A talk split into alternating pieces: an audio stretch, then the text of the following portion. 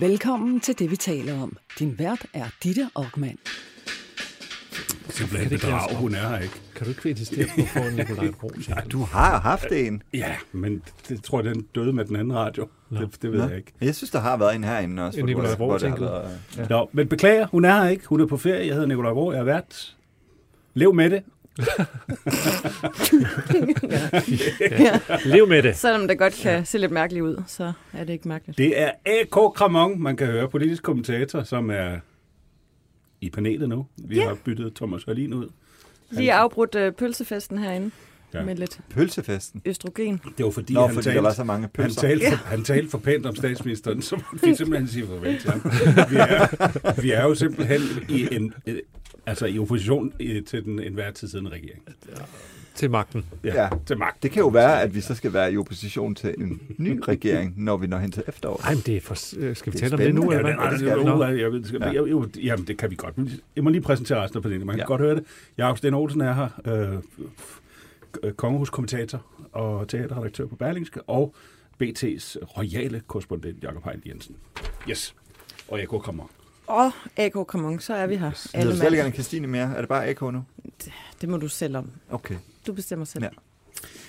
Yes, valg, blev der sagt. Det Mm. var efter Mink-kommissionens beretning.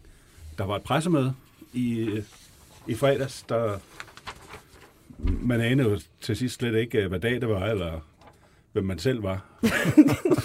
efter, at det var et maratonpressemøde på to timer, ikke? Det, det, Jo, og de stillede jo øh, fem mand høj og havde lavet Ja. plancher og det ene og det andet. Det var et øh, meget... Øh, jeg tror, der er sådan en bred enighed om i, hvad skal man sige, politisk øh, journalistkredse, at det var et bizart pressemøde, vi var ja. vidner til.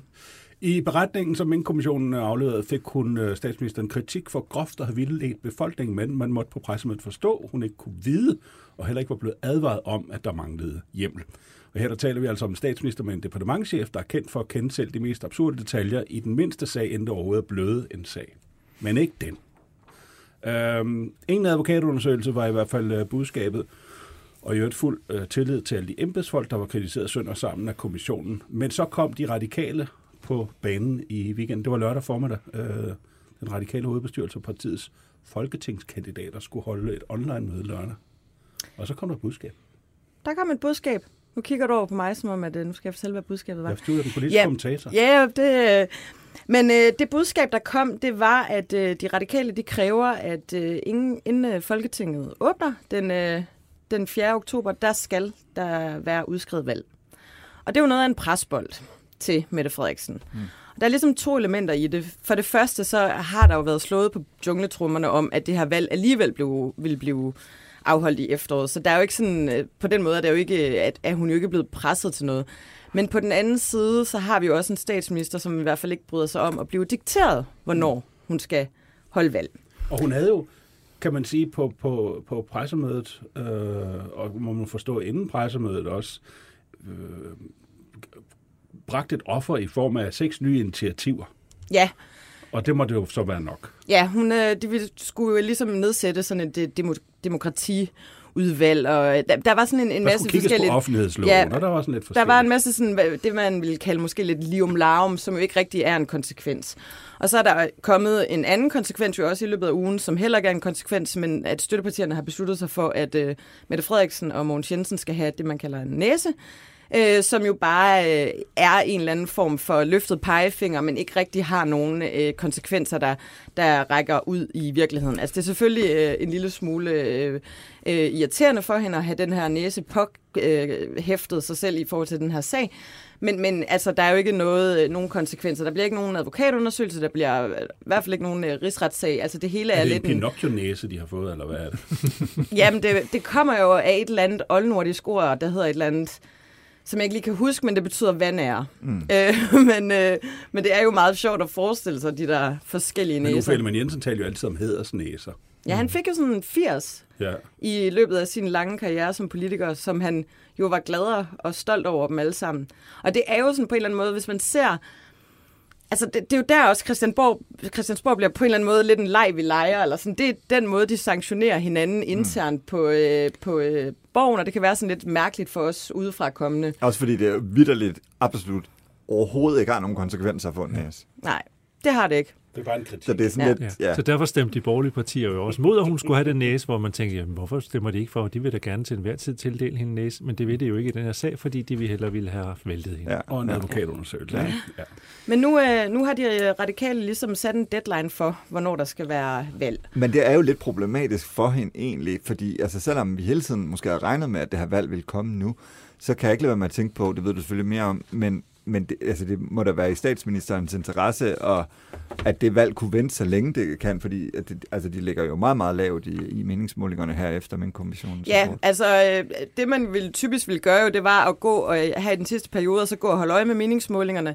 Sådan lige øh, rigtige den øh, politiske stemning, ja, og så trykker man på knappen lige på det tidspunkt, Ja. hvor man ligger aller, allerbedst. Og der er jo lige udkommet sådan en ny øh, megafonmåling i dag, som øh, TV2 har lavet, og der er de jo øh, nede på 21,7 procent. Mm.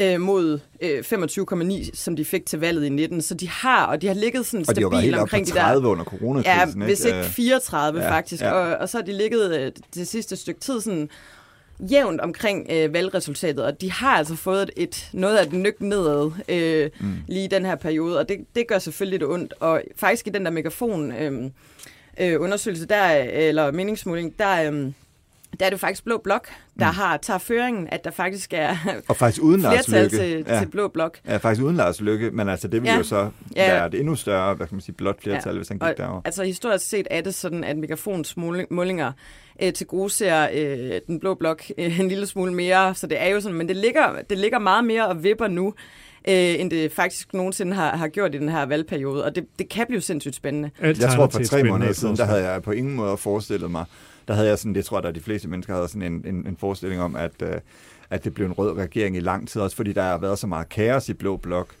Øhm, og det er der jo på en Men eller der er, anden så, måde nu. altså, der er jo bare så sindssygt mange x-faktorer i spil. Altså, mm. den her megafonmåling har også øh, Inger Støjbergs nye parti med, Danmarksdemokraterne.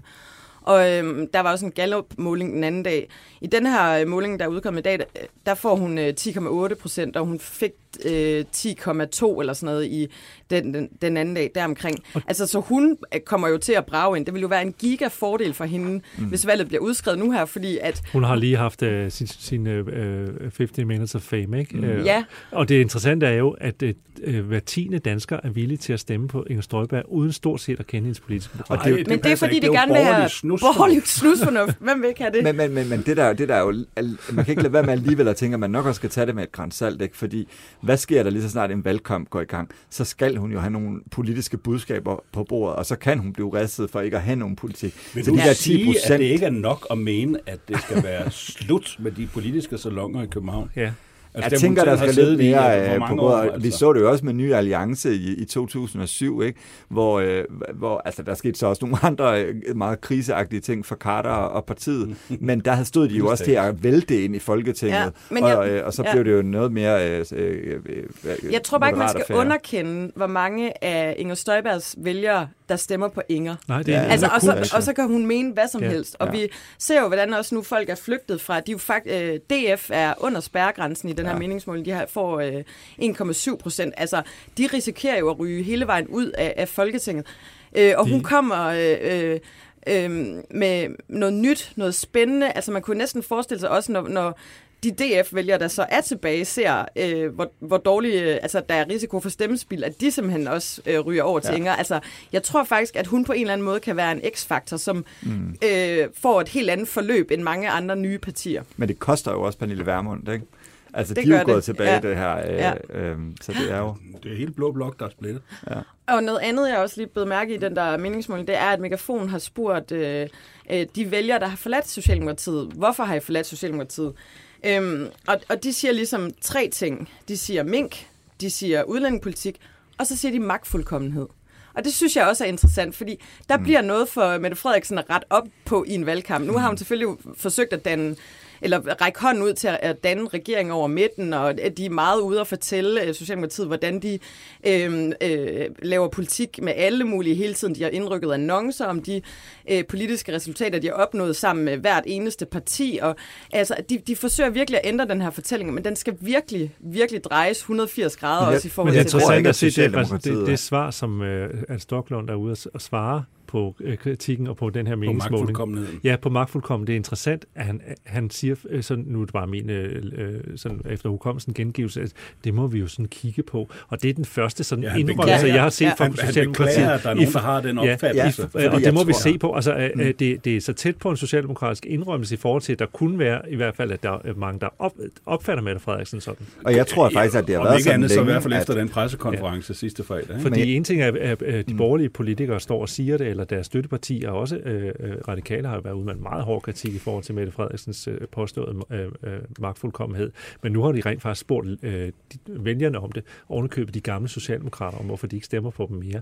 Og det er de simpelthen nødt til at tage alvorligt. Men jeg tror ikke, at det er sådan en gængs opfattelse. Altså, jeg tror, mange socialdemokrater føler, at det er sådan lidt noget, øh, de borgerlige og medierne har opfundet, det der med magtfuldkommenheden, og det i virkeligheden ikke rigtig har øh, at, at, at det er bare noget, der er blevet fundet på, Jamen, og det så er den ligesom kørt rundt det var jo det, sådan. inden Mink- Men de bliver jo nødt til at erkende det. Det er jo det første led til Men, at, men øh, øh, inden Mink, Mink-sagen videre. øh, øh, kom til offentlighedens kendskab, da den var under opsejling, der var man jo, det var et velorkestreret, øh, hvad kan man sige, redningsforsøg, øh, man har været ude at lave inden. Altså der, der begyndte man jo straks at tale om, at de blå jo øh, var trompister, øh, som, som startede en trompistisk øh, hets mod øh, Mette Frederiksen, for at ligesom bruge alt det, øh, når nu min kommissionen kom i forhold til at tage brøden af kritikken, jamen dem kan I jo ikke regne med. Altså, mm. Det var et helt klart, at det har været et orkestreret øh, forsøg på ligesom at dæmme op for den kritik, som man vidste ville komme. Men det er altså lidt mislykket, må man sige. Ikke? Men, men, til en men, vis grad. Ja, men som vi så også talte om i sidste uge, så hvad hedder det,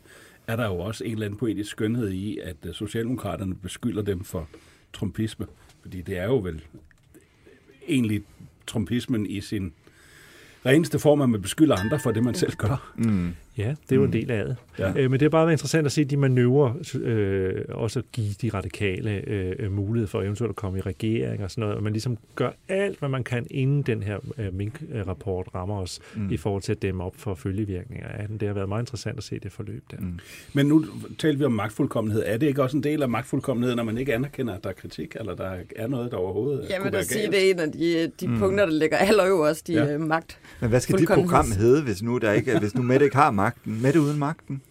Øh, Jakob og jagten, eller Pape og populismen, eller Sådan. Inger og... Ja, Gud, ja, hvor er Søren ikke. Pape hen i alt det her? Ja, hvor er han? Jo lavere profil han holder, jo højere tilslutning. Og det har jo lidt været sådan øh, deres øh, vej til, hvad skal man sige, så, så gode meningsmålinger, eller så, så stor tilslutning. Det er jo virkelig, at han bare har holdt sig i skinnet og ikke været for meget fremme. Altså, det er jo den vildeste taktik at, at have i forhold til at hente stemmer, men det har jo virket. Ja, det er jo, Og ja. du, Men der du kan også skal se på uh, troværdighedsmålinger og sådan noget. Pape er, Ja. er for mange den mest troværdige politiker ja. I Danmark, uh, og han siger ikke noget, så det, det kan man da også. Han ser sig mild og god ud, så det kan jeg da godt forstå. ja, det er lidt vildt. Pape Power. Pape Power. Nå, men hvad, øh, hvad, hvordan er forholdet mellem... Øh, nu er det jo vores insider. Hvad er forholdet mellem øh, Sofie Carsten Nielsen og Mette Frederiksen nu Karsten efter, Sofie den her? Nielsen. Mm. Altså, øh, jeg vil tro, at det er temmelig anstrengt. Ja. Altså, de øh, radikale og Socialdemokratiet har jo historisk set ikke øh, altid været de bedste venner. Øh, Socialdemokrater kan ikke specielt godt lide radikale. De synes, de er hovske snovske. Og måske faktisk dem, der kommer på de københavnske salonger mm. øh, allermest.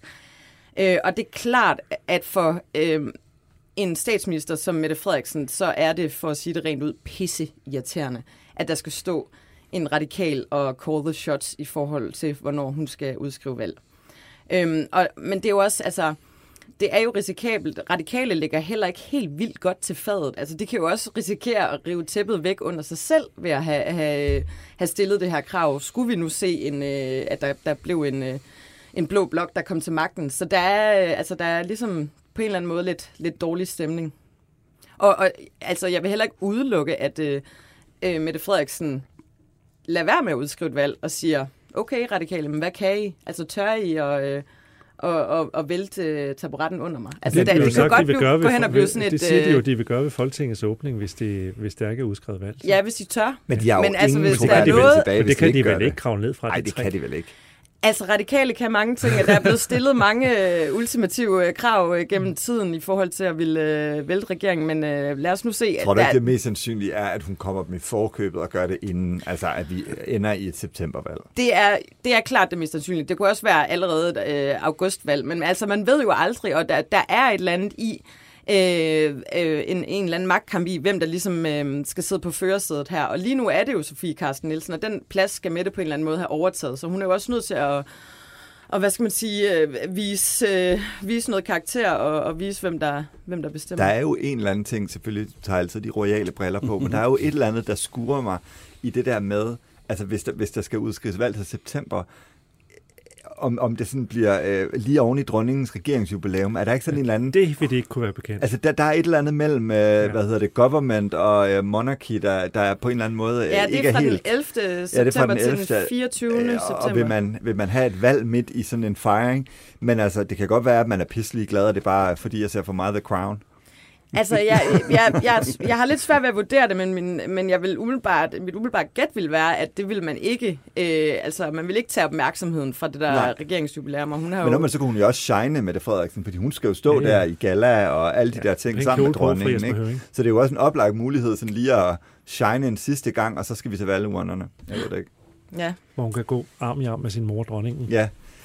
Så hvad var det, hun sagde under coronakrisen? Hun fortalt en million gange om det der med, at tan, nej, nu er hun det... Spurgt, nu tante dronning. Ja. Jeg havde spurgt til, hvordan hun, hun skulle passe på sig selv. Var det ikke det, hun havde sagt? Jo, jo. Ja, så skulle hun bare en, fortælle det så mange gange, at man under til sidst en privat blev så samtale. det. Det blev ja. simpelthen lige så uh, trættende at høre på, som når Jacob Ellemann skulle fortælle, at han havde været soldat. Ja. Øh, man fik sådan en indtryk af, at de ville udgive sådan en samtalebog på ja. et tidspunkt, de to. Men de det er jo skide smart, det, demagogisk trick. Dermed, alle, hun, hun låner dronningens popularitet. Alle elsker dronning Margrethe, har stor respekt for ja. hende, ikke mindst i, i, under corona. Og når dronningen, selveste dronningen, siger til Mette Frederiksen, nu skal du lige huske at passe på sig selv, ja. så siger det, øh, det, hun jo egentlig siger, Mette Frederiksen, det er, I skal Gud, bare vide, hvor ja. jeg, hårdt jeg arbejder ja, for ja, at redde præcis. Danmark. Ja, og se, dronningen det, synes, jeg gør det godt. på mine skuldre. Det er mig, det hele står og falder med, ja. og dronningen synes jeg er fantastisk. Ja. ja. Vi bliver på, øh, på Christiansborg og italienske restauranter i behagelig gårdafstand af Slottholmen. Uh, Rasmus Prehn Ej, læser for nylig fladt ned i en sag om restauranter og værtshusregninger, som Ekstrabladet havde afdækket, han uretsmæssigt havde betalt med kreditkort fra Udenrigsministeriet og Fødevareministeriet. Og nu er den gal igen. Ekstrabladet har fået flere agtindsigter i hans afregninger. Blandt andet kan de afsløre, at han har spist øh, endnu en middag med BT's debatredaktør Sanne Fanø. Det var Frihedsbrevet, der først fortalte om en middag på den italienske restaurant Famo Metro i november 2021 til den nette sum af 2.133 kroner. Og nu kan Ekstrabladet så afsløre, at der også var en middag på den italienske restaurant Buongiorno den 8. januar 2020. Sanne Fanø havde ikke øh, nævnt middagen, da hun blev konfronteret med den første, da hun huskede det som, at hun selv havde betalt. Jeg havde ikke glemt, at jeg havde været ude og spise med ham, men jeg havde glemt, at han havde betalt for mig. Derfor tænkte jeg ikke, det nødvendigvis var relevant at nævne, for jeg så det ikke som et problem, men det kan jeg godt se nu. Det er tre år siden, og jeg mødtes med rigtig mange på det tidspunkt, hvor jeg typisk har betalt for dem. Jeg kan godt huske, at jeg har spist med ham, men jeg kan ikke huske, at han har betalt ved den lejlighed. Det er sådan set, sådan set den åndssvage forklaring, for, øh, siger Øh, BT's øh, debatredaktør. Men hun er ikke den eneste glemsom. Også Rasmus Prehn har glemt noget, i hvert fald da han skrev bilaget for en anden middag under. Det var en middag til 1468 kroner på restaurant Undici den 10. juni 2020, som Udenrigsministeriet har betalt. Og her var hans gæst, journalist Søren Wormslev fra Nordjyske, bortset fra, at det var det ikke. Nej, altså, det er jo Ej, så langt så... det der. Jeg deltager ikke i sådan nogle arrangementer, hvor politikere betaler. Jeg har ikke været ude at spise med Rasmus Prehn, siger Wormslev til Ekstrabladet. Og her bliver det mest irriterende udtryk nogensinde yes. brugt øh, af Rasmus Prehn, fordi han siger, at det er... Ja, ja, nu skal du bare høre. Nå, nu kommer, ja, kommer ja. okay, ja, det er godt. Jeg Vi skal lige bygge op ja, til det. det crescendo, crescendo, Jacob Slap uh, Rasmus Prehn skrev uh, onsdag morgen på Facebook, han forsøgte selvfølgelig at komme medierne i forkøbet, at der var tale om en fejl, at han skrev Søren Wormslevs navn på bilaget. I forbindelse med agtindsigterne er jeg desværre blevet gjort opmærksom på, at en forkert journalist er registreret på et bilag. Det har jeg talt med pågældende journalist om. Derfor har jeg rettet henvendelse til Udenrigsministeriet, hvor jeg var udviklingsminister, da fejlen blev begået, for at gøre dem opmærksom på problemet. Prehn oplyser på Facebook, at han nu vil betale hele regningen for middagen. Han skriver så bare ikke, hvem det var, han spiste med. Ekstrabladet får en forklaring fra ham, der lyder, jeg ved simpelthen ikke, hvad pokker der er sket. Nu har jeg skrevet nogle kruseduller på bagsiden, men det, der står på billedet, det er der en sekretær, der har skrevet. Men hvad der er sket, det forstår jeg ikke. Og jeg var noget lang i ansigtet, da jeg fandt ud af det. Det er to år siden, og det var på et tidspunkt, hvor der har været vanvittigt travlt. Ja, i hvert fald på Det- de det er restauranter, sjovt hvor han var altid. kunde, kan Ja. man sige. Sjovt, man Øh, så tager sådan en middag, hvis man har så travlt. Men Jeg ved, jeg har spist med en anden journalist, og det var fagligt relevant. Det er simpelthen en fejl, jeg ikke forstår, hvordan er sket. En hjerneprut, eller hvad sådan noget nu hedder. Det er det mest irriterende ord Hvor, nogensinde. hvordan taxeres en hjerneprut ja, det er jo et brain fart. Ja, altså, det, da er jo bare, en han oversætter det oversættelse. direkte. Altså, det lyder ja. jo både ulækkert Ja. og ganske undskyld, jeg hæfter, hæfter mig så meget ved det ord, Ja. men det irriterer mig virkelig grænseløst. Uh, AK, du har jo siddet med krisestyring og krisehåndtering også, og så Ja. videre. Da de her første uh, aktindsigtsbegæringer på, uh, på restaurantbilag og så videre kommer, og det viser sig, at uh, ting skal, eller penge skal betales tilbage, og det er uretmæssigt brugt og så videre, man faktisk kommer i tvivl, om man har private kreditkort, eller om det hele bare kører, og man overhovedet spiser hjemme, eller hvad der egentlig er, der foregår. Hvorfor gennemgår man ikke alting fra en ende af, eller, eller er der måske så mange bilag, at det simpelthen ikke har været menneskeligt Altså, muligt? hvorfor, hvorfor gør Præn ikke det? Ja, og, og ministerierne. Jeg kan ikke... Hvorfor skal, øh, det er jo sådan noget kinesisk uh, drøbtortur, det her. Vandtortur, ikke? hvor det bare er drøb, drøb, drøb, drøb, drøb. Men man kan sige, at der er jo ikke noget at gøre ved bilagene nu. Altså, der, man kan jo ikke lave det om nu på bagkant. Altså, journalisterne sidder med Det de her godt, men, men, men, uh, men det er jo først, når aktindsigterne bliver lavet, at man kigger på bilagene, og så finder ud af, hov, det er slet ikke ham. Jeg vil ikke være bedre at komme det i forkøbet, ved ligesom at sige, ja, okay, Og så går det revidere Nå, det altså- hele simpelthen. Jamen, jeg forstår ikke lige spørgsmålet. Om han selv Spørgsmålet skulle det er, gå ud... når, det, når, den- når den første aktindsigtsbegæring kommer, ja. og man så finder ud af, at der er noget, der, der er forkert, hvorfor går man så ikke hele møllen igennem? Mm. Men det har man jo nok også gjort, men du kan ikke sidde og lave øh, om på bilagene nu. Nej, okay. Øh, at, at det, er jo, det vil jo være fusk. Altså, og de her øh, aktindsigter, sådan som øh, det fremgår lidt, altså Ekstrabladet publicerer jo de her historier som sådan drøbvis, så de har jo nu hele tiden nogle aktindsigter i gang, og nogle aktindsigter i gang, og der er garanteret rigtig mange bilag. Øhm, og det, det er tydeligt, altså øh, i forhold til prænstrategi, også i forhold til krise, han har jo valgt at nedtone det. Han nedtoner det. Ah, men det er jo ingenting, og åh, det er en fejl, og der er faktisk ikke rigtig sket noget her. Og, øh, der er ikke tilbage. noget. Jeg har betalt det tilbage. Og det er jo også lidt det, han, øh, han forsøger at gøre på Facebook, hvor han, øh, hvor han, øh, han siger, ja, men jeg har begået en fejl, og mine forældre har lært mig, at så skal man sige undskyld, så det gør jeg nu her. Og så laver han sådan det spin, øh, der hedder, at, at, at for at undgå, øh, for at rette op på den her, han skriver, for at undgå fejlen, og at, for at undgå, at andre skal eksponeres sådan i offentligheden, øh, øh, for at tale med mig over en middag, afregner den pågældende regning med Udenrigsministeriet, bla bla bla. Fremover vil jeg betale privat. Så det han jo egentlig gør, det er, at han siger, det er mediernes skyld, at de her journalister, som har øh, spist en middag med ham, nu bliver eksponeret i offentligheden, og det er mega synd for de journalister. Mm. Altså det er jo i stedet for at tage ansvar for, at han skulle bare have betalt det her til at starte med, så er det mediernes skyld, fordi de har gravet i det her, og nu øh, eksponerer de Sanne Fanø og Hans Engel og øh, Søren Wormslev, som jo ikke i hvert fald overhovedet har, har bestilt opmærksomheden, kan man men sige. hvordan sker det? Altså, det, det, det der er interessant. Hvordan sker det, at det bare sådan helt øh, tilfældigt navn kommer på sådan en bilag? Det er virkelig, Ja, det, det- det, er dybt underligt. Det er det mest mærkelige den her sag, synes jeg nærmest. Jamen, han siger jo det der med, at øh, han kan ikke forstå, hvorfor det er kommet der, og han har måske lige læst en artikel øh, af Søren Wormslev, inden han har skrevet det, så derfor... Ej, altså, stop. ja, ja, det præcis, det er... Men det sjove er jo, at enhedslisten, de, er, altså, de mener simpelthen ikke, at han kan administrere sit firmakort. Venstre vil have ham i samråd, ikke? Ja, det er interessant også Venstre at se. har kaldt ham i samråd. Ja, ja, på baggrund af Og altså, der er jo flere eksperter, der ligesom er ude også at sige, at, øh, at det her, det er... Det, det, det, det dur simpelthen ikke. øh, Hvad hedder han? Olof Jørgensen fra Danmarks Medie- og Journalisthøjskole. Han siger, at, øh, at man, man, offentligheden har krav på for at få at vide, hvem han har spist den her middag med. Og øh, Sten Schaumburg Müller, som er professor i strafferet, han siger faktisk, at hvis, hvis det kan bevises, at han har skrevet det her navn forkert med vilje, så øh, øh, har han gjort sig skyldig i paragraf 163, som ha- handler om at afgive urigtig erklæring, hvor man faktisk kan straffes med fængsel op til fire måneder. Så det er ikke bare sådan fun and games, Men- det Og du her. må heller ikke, det, det, det er jo det, der er hele hum. Der er masser af minister, som rent faktisk øh, ikke, inklusive Mette Frederiksen, som rent faktisk ikke har et kreditkort. Mm. Øh, Ja. Men det har han. Øh, men sagen er, at du må jo ikke bruge det som kassekredit. Nej. Øh, øh, staten er ikke øh, Rasmus Prehns personlige kassekredit. Kan I huske Mona Salini i Sverige? Hun stod til at være øh, øh, ja, blive ny statsminister i i Sverige. Hun var Socialdemokraternes kronprinsesse, indtil man fandt ud af, at hun havde simpelthen brugt øh, kort, øh, sit, sit øh, firmakort, altså sit øh, ministerkort, til at købe øh, blandt andet Toblerone og blæer, og, men det løb altså op i 53.000 kroner. Øh, og hendes politiske fremtid blev øh, øh, forsvandt. Mm. Øh, for det, det, det, de har den lignende lovgivning i Sverige. Det må du simpelthen ikke. Godt nok for mange Toblerone og blæer. Det må man sige for 53.000. Men det, det, det, det kom til at hedde Toblerone-gate, fordi ja. hun selv nævnte den Toblerone. Der, men det sjove det er jo her, at Så faktisk hendes, har... hendes politiske karriere blev ødelagt på baggrund af mm. Men Rasmus Prehn, han var jo faktisk en af dem, var han ikke det, som kritiserede jo. Lars Lykke, Lykke Ja. og hans Præcis, bilag lige præcis. allermest? Ikke? Og man kan også sådan sige, der er også noget med øh, øh, Lars Lykkes underbukser, og øh, hvad der ellers lige øh, huserede dengang, og en pakke cigaretter og sådan nogle ting, han havde købt på en ministeriets regning. Og der er jo, noget sådan, der er jo nogle lighedspunkter i det her. Ja. Det, her det, er, det er jo heller ikke store beløb. Nej. Det er jo ikke sådan, at jeg tror, at det er sådan noget, han har betalt øh, 5.500 tilbage igen for de her middage. Mm. Det er jo ikke sådan, wow, det vælter statsbudgettet. Men der er noget sådan principielt i det. Mm. Altså, der er noget principielt i, at når, når du føler, at du har ret til at bruge øh, øh, ministeriets penge, vores penge, skatteydernes penge, på din egen middag, øhm, så er der et eller andet, øh, apropos magtfuldkommenhed, at, at, at man synes, man har ret til det.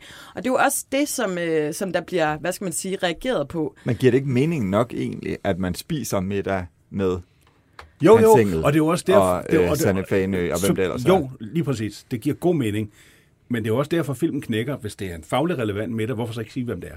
Ja. Altså, jeg synes, der er noget i, øh, at hvis man som journalist sidder og taler med en kilde, så synes jeg faktisk, man hiver sit eget kort op af lommen. Altså, så må man splitte regningen, Ja. fordi så kan der ikke være nogen som helst tvivl Nej. om, Nej. hvem der har... Øh, hvem der er i lommen på hvem, eller sådan Nej. noget. For det er jo det, der ligger op til. Det ligger jo op til spekulationer. Hans Engel er ude og sige, at man kan ikke øh, købe hans holdning for, for øh, en god øh, middag.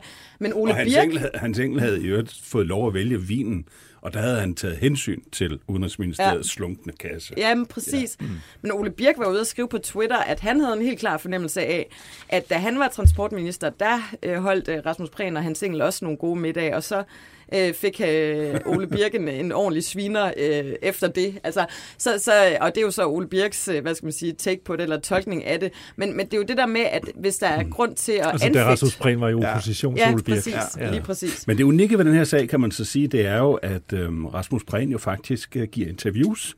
Han laver udtalelser, han har faktisk også lavet et videointerview med Ekstrabladet. Ja, det var ekstraordinært. Lige præcis. Ja. Øhm, og det, det er vi nødt til lige at dykke lidt længere ned i, øh, og så få en ekspert på linjen. På telefonen nu, der har vi øh, journalist, forfatter, foredragsholder Per K. Velkommen, Per. Hej, kan I høre mig? Det kan, det kan du tro. Hallo. Øh, Hej, Per. Nå, det hallo, er godt, Per jeg kan godt K. høre jer. Ja, og, Jeg og, ville jo gerne have været hos jer, ja, du er med men fra øh, jeg ligger sygesengen. jo desværre. Ja, desværre. Så jeg hoster, så jeg kunne ikke sidde i det lille studie sammen med jer. Det kunne jeg ikke byde jer. Nej, du skal høre, vi har spritet Tak telefonen af, så hvad hedder det? Øh, øh, øh, selvfølgelig. Ja. god, god bedring af alt det der øh, og afstand. Men øh, Per, ved siden af, du har jo været med i programmet et par gange, også med dine forensic statement analyser. Ja, Og, og, nu har jeg jo øh, kigget lidt ja. på prægen her. Ja, lad os høre en gang. Ja, altså det er faktisk ret spændende, fordi øh, det spørg- han får det spørgsmål, når du står på Sørens værtshus og skal betale en regning, hvordan kan du så tænke det her er i tjenesten? Og så svarer han, ja altså det er konkret. Og så kan man spørge, hvad er det, der er konkret her? Jeg står der og falder i snak med nogle journalister, som vælger at give mig en øl. Og så tænker jeg, at så kan jeg give en til øl tilbage. Og så er det dagen efter, jeg tænker, ej, det er simpelthen for fjollet. Altså, det betaler jeg selv. Men lige da jeg stod der, så tænkte jeg, at det kunne jeg godt. Så man kan spørge sig selv, hvad er det, der er konkret? Og læg mærke til, han starter i nutid. Han starter i nutid, og han starter med at placere, altså han starter med at fortælle om sin placering af kroppen med står. Og når vi bruger står, stod, sidder, sad, så er det fordi, der er tension i den sætning, der kommer efter. Så vi ved, der er altså noget tension her. Og så fortæller han, at de vælger at give ham en øl. De giver ham ikke bare en øl, men de vælger det. Så det kan man også tænke over. Og han bruger ordet tænke to gange. Øhm, og så går han i datid. Men lige da jeg stod der, og det vil sige, at han går i datid igen, og igen placerer han kroppen, altså tension, og så siger han lige, det vil sige, at han udvider tidsrammen. Så altså må vi stille spørgsmål, både ved hvor lang tid den bartur tog, og hvem det var. Fordi læg mærke til, at han bruger nogle journalister om journalisterne, og det vender jeg tilbage til, for det kalder han nemlig noget andet senere. Jeg highlighter også ordet fjollet. Det næste spørgsmål, han får, det er, hvad tid på døgnet var det bilag? Det er et helt konkret spørgsmål, man ikke kan misforstå. Og hvad var det, jeg talte om i sidste uge om Nadia Nadim? At hvis folk ikke svarer på spørgsmålet, så er der et eller andet galt. Han svarer, altså, det kan jeg ikke huske. Jeg tænker, nu bruger han tænker igen, ikke det var specielt sent. Jeg tænker, det var eftermiddag eller noget i den stil. Men jeg skulle jo selvfølgelig aldrig have gjort det. Det er jeg ærlig over. Men jeg tænker, at jeg kan formentlig, eller de kan formentlig få udgiften dækket, og så gør jeg det også. Læg mærke til, at han tre gange bruger tænker, og han svarer ikke på spørgsmålet. Og når folk er presset, så fortæller de ofte, hvad de tænker, i stedet for, hvad der skete. Så det er altså øh, endnu et rødt flag. Og så kommer så hele den der historie, som vi var inde på med, med Lykke. Og der siger han så, ej, men jeg kan godt, da, godt se, det ser tosset ud. Jeg synes, det er en væsentlig forskel, og jeg highlighter her ordene tosset ud. Øhm, og øh, så siger, bliver han stillet det spørgsmål med, hvordan han står i baren og betaler i første omgang. Og prøv at lægge mærke til, hvad han svarer. Jeg har tænkt over det. Igen ordet tænker. Og jeg skulle være ekstra opmærksom på altså de regler, der er. Derfor har jeg også siddet med ministerhåndbogen. Læg mærke til det, han placerer igen kroppen, da han har siddet med ministerhåndbogen. Det vil sige, der har været tension omkring, da han sad med den bog. Det vil sige, efter han er blevet taget af det her, der har han desperat siddet derhjemme og kigget den der bog igennem, for at finde ud af, hvad der var op og ned, og hvad han kunne svare i den her sag. Så han kan simpelthen den bog uden ad, og det har han gjort bagefter. Øh, til sidst siger han, det var selvfølgelig dumt, så jeg highlighter ordene dumt. Men han siger også en anden ting. Øh, han siger, og da så den pågældende journalist og den kreds, der var omkring ham. Læg mærke til det, jeg highlightede øh, journalister op. Nu er det pludselig én journalist og en kreds omkring ham. Og her, det er det, der hedder en lækage. Det vil sige, at vi får at vide, at problemet med de der øller var, at der var formentlig kun én journalist, og han har givet øller til dem alle sammen, altså også ikke journalister. Så det er der, problemet ligger. Du er, gen- ah. du er genial, Per. Sherlock K. Ja. Men så han har givet en omgang. Så får han, ja, lige præcis, og det har formentlig været nogle kvinder eller nogen eller et eller andet der, som man kommer til, når man lærer på. Det, det, det, vi, ved ikke, vi ved ikke, hvem det er, men formentlig, fordi lige pludselig skifter det, vi kalder i forensic, det er, at øh, ændring i sprog er ændring i realiteter. Og det er det, han gør her. Så der er en realitetsændring.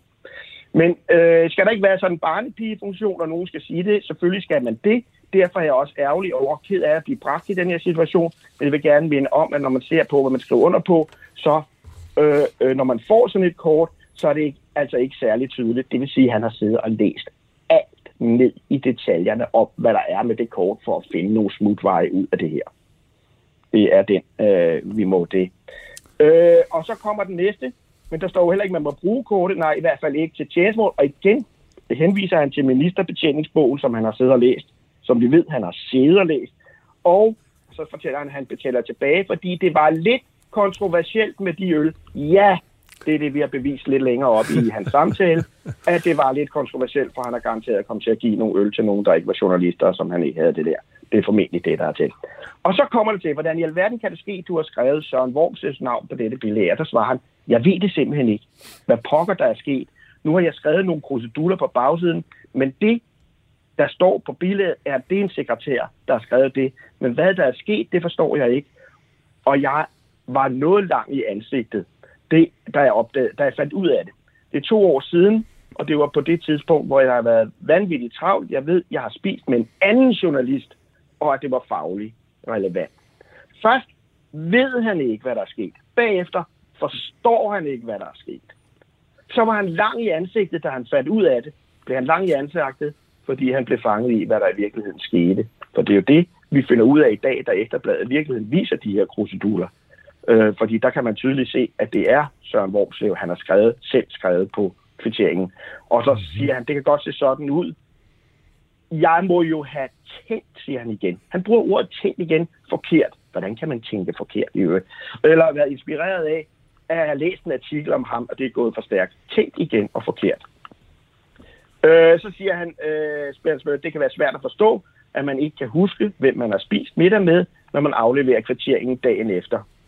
Og nu kommer det. Nu kommer det. Nej, jeg tror nu nok, at kvitteringen havde ligget nogle dage. Wow.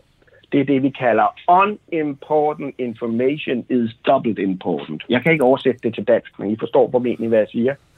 Det er, at folk kommer til at fortælle os noget, som virker helt ude af kontekst, og derfor er det meget vigtigt for dem.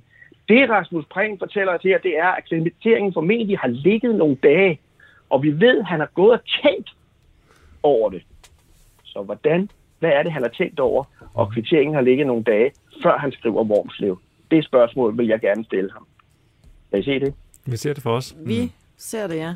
Tusind tak for Det den godt. her øh, analyse. Per, hvad er det, din, øh, hvad er det Facebook-siden hedder, hvor I, øh, hvor I Den sidder og hedder analyserer øh, alt? tre af løgnerens tre af løgnerens tal, og så kommer selvfølgelig det med hjerneprut. Og så vil jeg lige sige til sidst, hvis vi kigger på hans egne ord, så siger han, det er for fjollet, det var dumt, ser tosset ud, jeg har haft en hjerneprut, og han indrømmer, at det hele ser mærkeligt ud. Så hvis vi bare følger hans egne ord, så ved vi, hvad der er op og ned i den her sag. Tre af løgnernes tal på Facebook, men det er også en bog, du har lavet, ikke? Tre af løgnerens tal har jeg skrevet, øh, som handler om øh, statement analysis, og jeg har også en, øh, en, øh, en Facebook-side for folk, der er interesseret i at lære mere om den mest effektive måde, og ikke bare at afdække løgn og bedrag, men også se, hvad der ligger bag ordene, som folk vælger, når, når, når de giver et statement. En vanvittigt effektivt i ægteskabet. Ja, jeg tror, vi skal have Ja. krediteret Per K. til alle de der pressemøder på Christiansborg fremover. det kunne blive, blive meget, meget interessant. Det gør jeg gerne. Per, tusind tak, fordi du var med på telefonen her, og Hej, rigtig Per. god bedring. Ja, tak skal du have, og øh, tak for, at jeg, jeg var med, og ja. det var hyggeligt at høre jeres stemmer. Jo, øh, ved du hvad, der var faktisk lige en ting her til sidst. Nu nævnte du jo indledningsvis Nadia Nadim, som vi jo talte om i sidste uge. Ja, Der ja. fik du sagt et par gange, at der var 35.000, der så øh, kampen. Men øh, det Ja. var kun 21.542. Nå, okay. Jeg kan godt se, at jeg valgte et tal med tre, så jeg lyver også. Så er det i hvert fald sat på plads. Tusind tak, Per. Ja. Tak skal du have. Og Tak. i øvrigt, så har hun jo sagt, og hun har jo så sagt nu, Nadia Nadim, hun vil ikke tale mere om den sag, og, og det er jo også ret spændende. Det er nok også klogest. Ja, hej hej. Det er godt. Hej med dig, Per. Uh, vi skal lige runde, runde politikken af med et... Uh, Må jeg lige komme med Ja, sådan ja, en sidste gerne. Ja. lille kuriosum? Det er bare den her øh, øh, Facebook-opdatering, som Rasmus Prehn, han lægger op, og så fiser øh, Rasmus Stoklund, øh, den. Socialdemokratiet, eller Socialdemokratiets øh, politiske ordfører, ind, og så skriver han, god stil, du stiller op. Det afgørende må trods alt være, at du på eget initiativ har afregnet, øh, øh, og at det ikke er et spørgsmål om personlig vinding. Og det synes jeg bare er så mærkeligt, når han jo har, selvfølgelig har betalt det her tilbage, fordi Ekstrabladet har knaldet Ja, ham. Ved du hvad? Det svarer til, at jeg går ned i brusen, og så tager jeg en øh, dåse tun, og så tager jeg nogle grøntsager, og så tager jeg øh, BT og Ekstrablad, øh, hvis man stadigvæk kan t- kunne tage BT. Øh, og så går jeg hjem uden at betale, og så bliver jeg gjort opmærksom på, at jeg rent faktisk skal tage nogle varer, og så, nej, så betaler jeg da. Ja, og det var så på eget Ja, ja, initiativ. præcis. Ja, Og, så, ja. skulle, Ja, og så hvis jeg roste dig, så skulle jeg rose dig for, at du mig, på eget har- initiativ er Ja, gået ned ja, og ja, jeg har betalt for de varer, du har stjålet. Det var flot, Jacob. Ja, præcis. Præcis. Trumpisme. Åh, oh, gud. Ja. Nej, hvad hedder det? Det var øh, faktisk det sidste... Øh, også en grotesk sag fra, fra Kolding. Det er en øh, byrådspolitiker i Kolding, der hedder Molle Lykke Nielsen fra Dansk Folkeparti. Øh, søndag aften 23.04. Øh, det, er- ja. Er det ikke navnet? Det er bare... Jo, jo, vi Det kalder lyder også som søster Kirsten. Ja. Ja. Molle Lykke Nielsen. Øh, han laver et uh, helvede. Facebook-opslag øh, og på en tragisk baggrund, nemlig hændelsen i Fields, hvor han skriver, jeg har stor forståelse for, at det er en etnisk dansker, der har lavet lidt uro i Fields. Det er jo helt normalt. Tænk, hvis du nu var en borger med dansk statsborgerskab. Altså, der er mange ting, der er mærkelige her, ikke? Det er lidt i alle retninger. Altså, hvis jeg, hvis jeg skal komme med et bud, så tænker jeg, at Molle tror, at etnisk dansker betyder indvandrer. En brun. Ja. Ja, det gør det ikke. Nej, lad os lige slutte. det. Jeg synes, det fast først, men, men derfor, er det jo, altså, derfor er det jo stadigvæk en underlig opdatering. Altså selv hvis man tager det, Ja. altså, Men du har vel hans øh, forsvar med, fordi det synes jeg... Det er, det er Jyske Vestkysten, som er gået ind i den her meget, meget sære slag, sag. Øh, opslaget det blev øh, senere slettet, øh, men Jyske Vestkysten har selvfølgelig et aftryk af det, øh, og også forelagt sagen for Molle Lykke Nielsen. Øh, og hans øh, umiddelbart, eller det kan også være, at vi skulle have haft en forensic fra PK på det her, men det må så vente. Øh, det vil jeg slet ikke kunne forstå. Det kan jeg i hvert fald ikke huske at have lavet, siger han. Han siger, at han ved 21.30-22-tiden skriver et andet opslag på Facebook. Øh, umiddelbart efter det, der gik han i seng. Hvordan opslaget 2304 er kommet på profilen, det kan han ikke svare på. Han kan heller ikke afvise det. Måske ham selv, der har lagt det på. Altså, jeg går, Det er jo ingen mening at sige. altså, jeg går i seng ved 22-tiden. Det er jeg helt sikker på. Men om jeg måske er vågnet, og så med mobilen har lavet et eller andet, det kan jeg ikke helt afvise. Jeg har i hvert fald ikke været ædru. Jeg vil jo ikke, jeg vil jo ikke lyve for nogen, så jeg vil da undersøge til bund, om det er mig eller en anden, der har skrevet det brev. Jeg ved ikke, hvordan, hvordan hvordan undersøger man det? anden være? Ringer man Altså, til Facebook og siger, undskyld, det der opslag det der. Det er bare sådan... Er det et, jeg har skrevet i fuldskabet, mens jeg sov? Eller, øh, Svar mig Altså, på det. jeg Det havde- jeg sådan havde en klassisk øhm, hack, hacker-situation, det her. Det er sikkert nogle russere, der bare har hacket ham. Og så Altså, jeg har en, jeg har en veninde, øh, en amerikansk veninde, det er også en langt udstået her, som, øh, som på et tidspunkt tog sådan nogle øh, sovepiller, der hedder Ambien. Hvis I lyder ved det, det er godt. sådan en, en eller anden form for... Øh, Det lyder probat. ja, det, det er sådan noget, man skal have på recept. Anyway, hun tager en af de her sovepiller, og så i løbet af natten er hun så vågnet og har bestilt en øh, 3 meter høj træ-indianer øh, på øh, eBay eller på Amazon, eller hvor end hun har bestilt den på nettet. Og den er så blevet leveret. Øh, og hun havde det fuldstændig ligesom Molle her. Hun kunne simpelthen ikke huske, at hun selv havde bestilt den her, øh, men kom så frem ja, til det. Ja, Ja.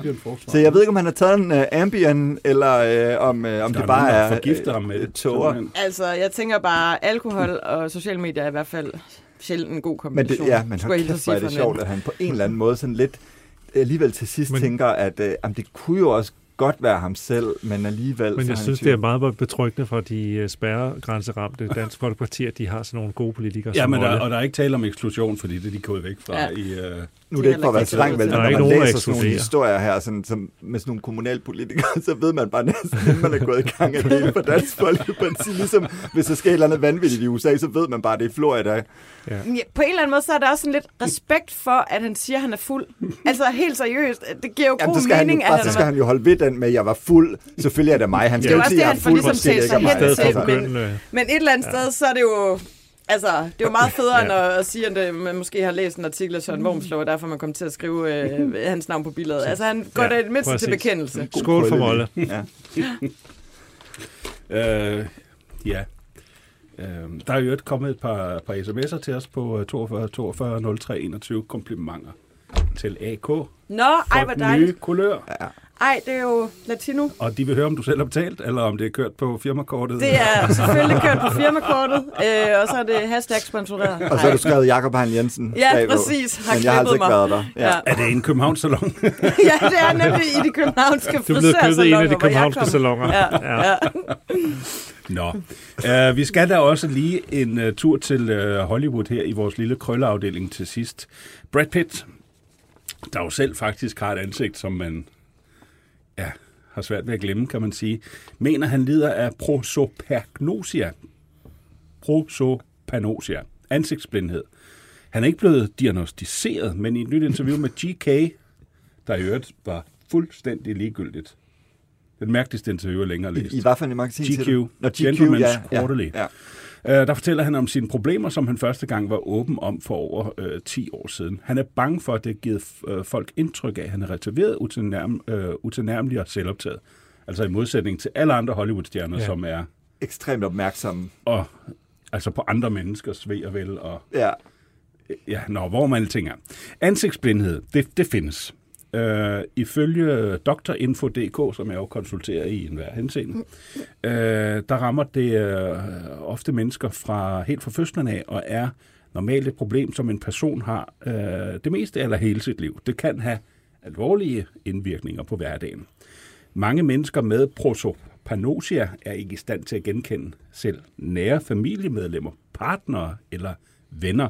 De kan klare det ved at bruge alternative strategier til at genkende mennesker, såsom at huske den måde, de går på, deres frisyr, stemme eller tøj. Men disse strategier fungerer ikke altid. For eksempel når en person med ansigtsblindhed møder nogen på et ukendt sted. Hmm. Men, men, men vi skal lige huske at holde ja. ja. fast i, Brad Pitt er altså ikke diagnostiseret. Det er bare en følelse, han har. At det han er en har følelse, det her, han har simpelthen. Det kan også være, at han bare så kender, altså møder for mange mennesker. Ja. Præcis. Eller han er arrogant og selvoptaget. ja. altså der var jo også noget med, at han drak lidt for meget på et tidspunkt. Det kunne Det måske hjælper jo også heller ikke på det. Øh, spille lidt ind. Nej, men som vi talte om tidligere, så, kunne- så kunne det også faktisk have været et rigtig godt forsvar, dengang at han lavede den der rejsesfulde film Ja. med Angelina Jolie. Ja. Og ja, Ja, glemte, mere- at han var gift med Jennifer Aniston. Ja, de ligner ikke hinanden så meget. Jeg har en lille bit smule af det. Altså, jeg, jeg, ikke, jeg tror, jeg har nogen diagnose, men jeg tror, det handler om, at jeg er arrogant og selvoptaget. Eller noget derhen. Altså, eller jeg ved Jeg det ikke, men, Jeg har det men, også men jeg har det, jeg har det Men- svært. Jeg, jeg kan, eller også er det, fordi jeg møder mange mennesker. Jamen, jeg har det jeg, jeg, nemlig jeg, også jeg, jeg, nogle jeg, gange. godt, øh, øh, jeg har oplevet flere gange, og det er ikke særlig behageligt, fordi man gider ikke at blive opfattet, jeg forstår godt Brad Pitts kvide, man gider ikke at blive opfattet som arrogant og selvoptaget, selvom man eventuelt måtte være det. Jeg synes Øh, mere, jeg har oplevet fordi sådan jeg synes, noget- det, jeg synes, det kan være svært. Ja, jeg synes mere, jeg har oplevet sådan noget, og så kommer der en hen, hej, Ja. hej, tak for sidst. Ja, og det så, er det, jeg mener. Men så har det været...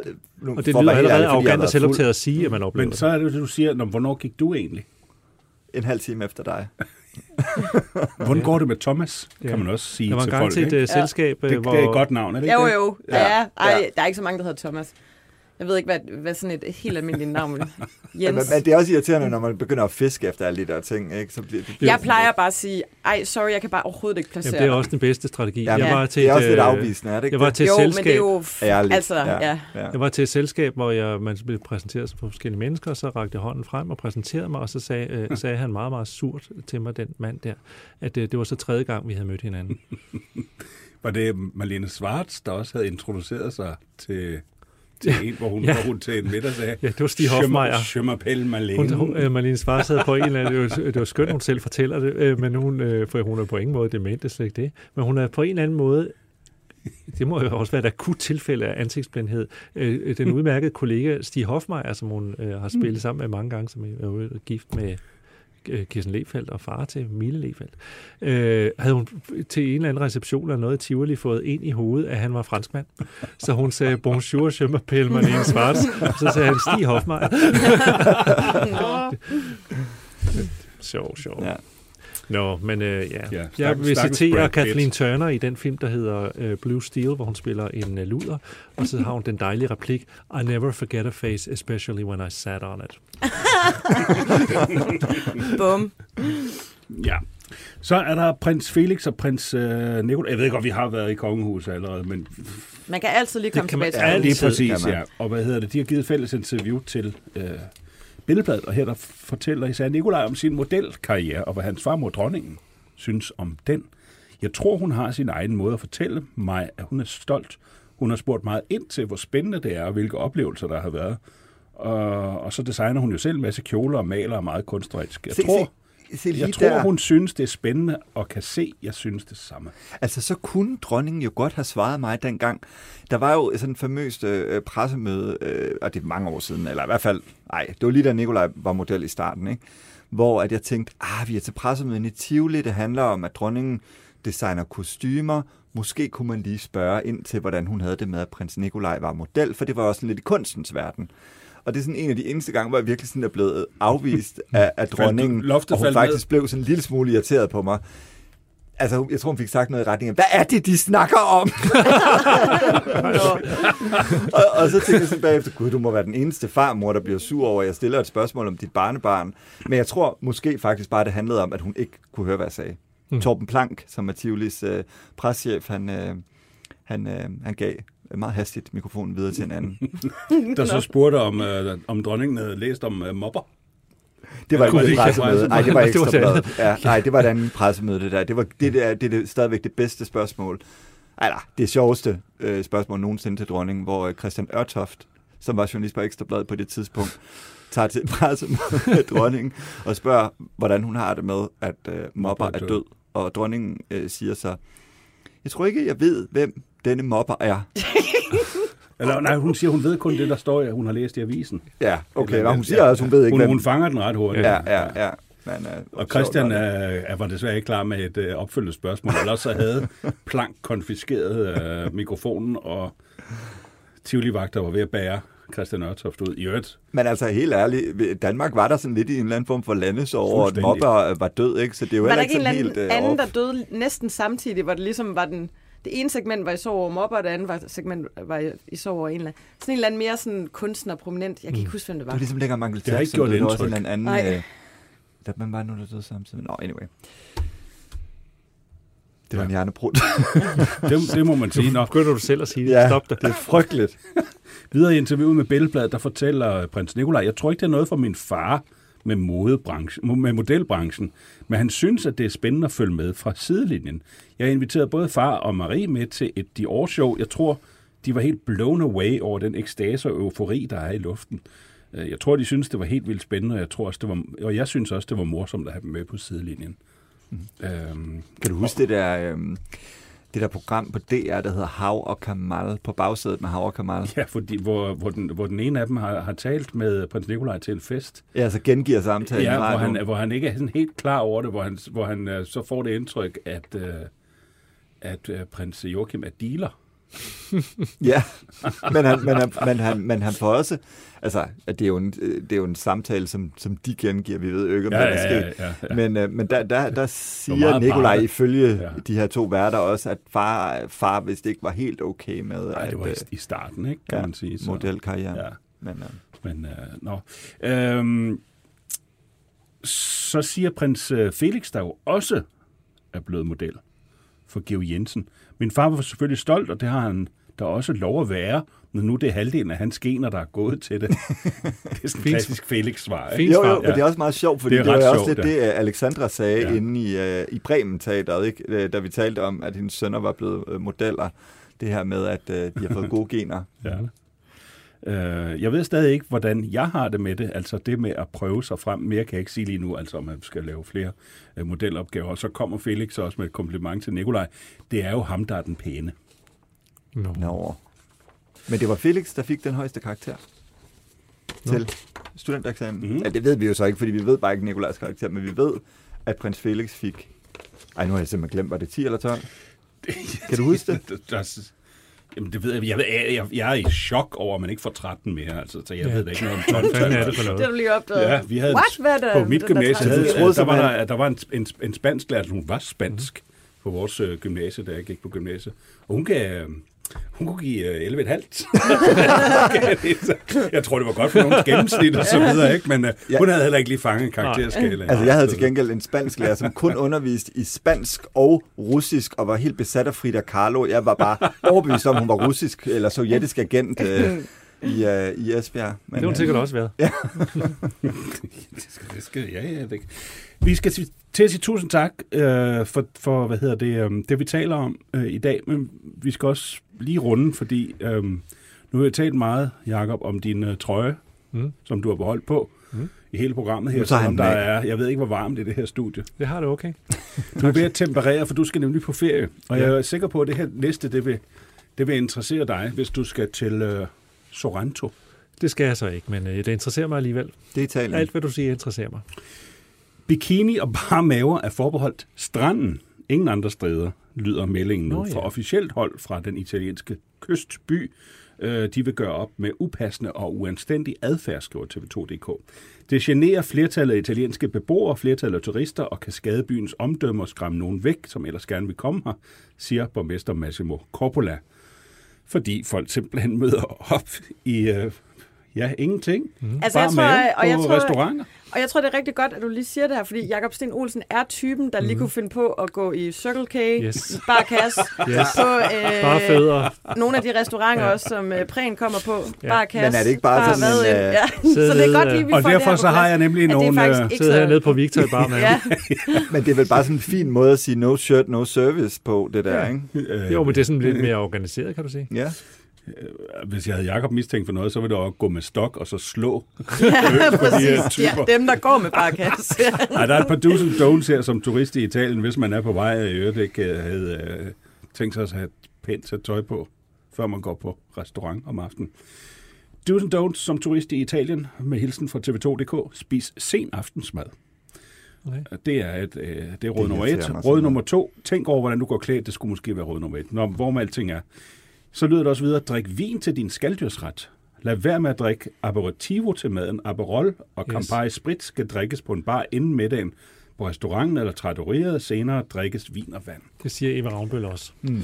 Ja, okay. Altså, jeg kan godt lide at spise klokken 6, men jeg kommer også fra Jylland. Ja, men det er også også seng og, som dansker, der rejser til Italien, så er man sådan, ej, vi spiser sent, vi booker et bord 19.30, og de kommer jo faktisk selv ud sådan halv 10-10, ikke? Ja. Ja.